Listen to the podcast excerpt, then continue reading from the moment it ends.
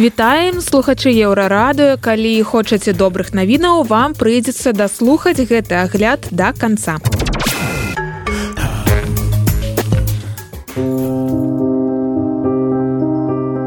Навіна вартая перадавіць беларускай прапаганды. Рэкамендуем звярнуць на яе ўвагу, каб абгрунтавана залямантаваць. Или это другое? ЗША пастанавілі, што наследны прынц саудаўскай аравіі Мухаммед Ібн Салман валодае імунітэтам ад судовага іску, які падала нявеста забітага журналіста Джамаля Хашогі. распавядае BBC. Не стамляемся нагадваць. Крытык саудаўскіх уладаў Хашогі быў журналістам амерыканскага выдання Вашынгтон пост. Ён быў жорстка забіты ў консульстве саудаўскай аравіі ў стамбуле ў кастрычніку 2018 года.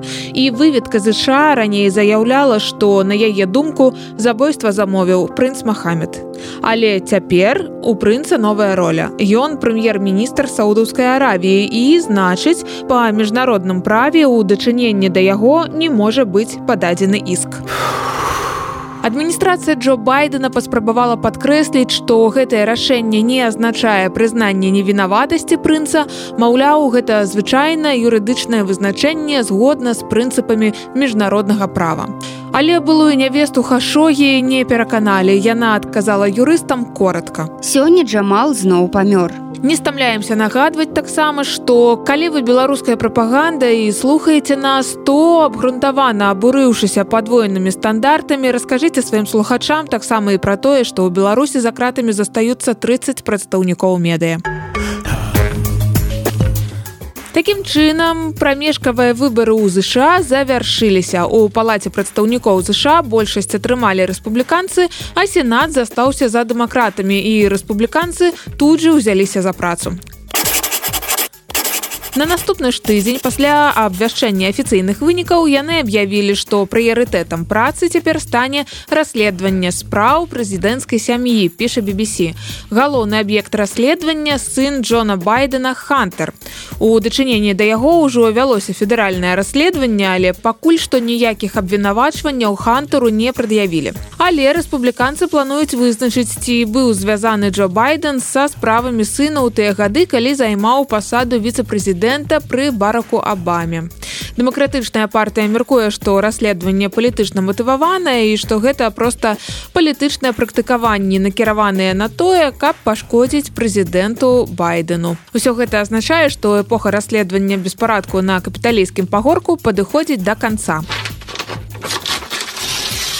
новы кангрэс і новыя расследаванні. Рэспубліканцы таксама маюць намер вывучыць ці ўсё адпаведна зрабіў байден выводзячы войскі з афганістана і як ён справіўся з пандэміяй каранавірусу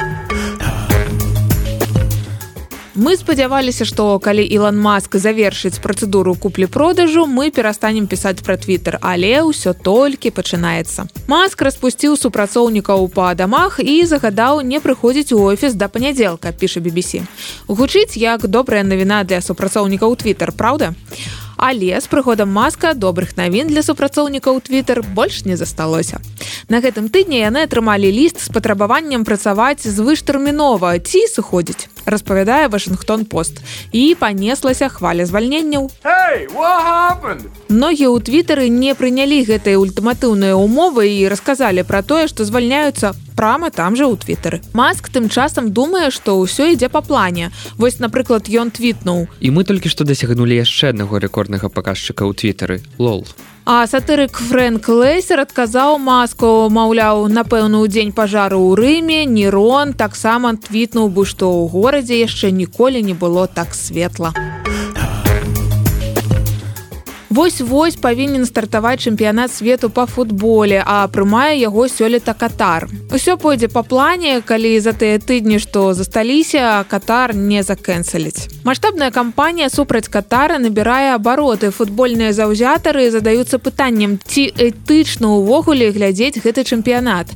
Гэта маленькае каралеўства ў персідскім заліве не выконвае таксама і правы працоўных мігрантаў, а падчас будаўніцтва спартыўных аб'ектаў для чэмпіянату многія рабочыя просто загінулі.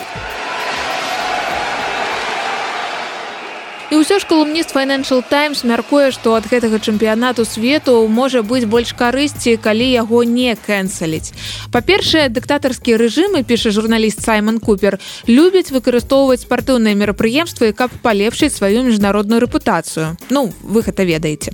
Напрыклад, у 1978 годзе чэмпіянат свету прымалі аргентынскія вайскоўцы, а гэта ўвогуле быў час, калі дысідэнты ў краіне знікалі тысячамі. Але чэмпіянат тады нават не заклікалі адмяняць і дзякуючы міжнароднай увазе беды аргентынскіх дысідэнтаў сталі вядомыя ва ўсім свеце. А зараз міжнародныя прафсаюзы лічаць, што прыцягваючы ўвагу да умоў працы рабочых мігрантаў у катары, яны таксама могуць іх палепшыць, а ўвагі было, дарэчы, прыцягнута дастаткова і хоць становішча працоўных усё пакуль яшчэ вельмі вельмі дрэннае катар ідзе на саступкі і рэформы таму што знаходзіцца под пільнай увагай праваабаронцаў і журналістаў. Напрыклад цяпер amnesty international плануе прымусіць катар стварыць фонд для выплат рабочым якія пацярпелі на будаўніцтве аб'екту для турніру. І яшчэ адзін аргумент праціўнікаў байкоту гучыць вельмі коротко калі катар не рукапаціскальны то чаму вы купляеце у яго газ а І, дарэчы, як і абяцалі да добрых і нават святочных навінаў. Кампанія Microsoft выпусціла навагодні шведар з клямарам.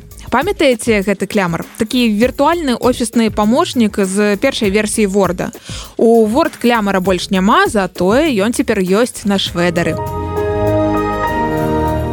некалькі гадоў таму кампанія выпусціла свой першы настальгічны шведар з алюзіяй на windows 98 лік гікаў гатовых гэта купіць і насіць аказаўся такі ўражлівы што цяпер шведары выпускаюць кожны год. Сёлета шведар каштуе 75 даляраў. Что хто будзе ўсё гэта насіць?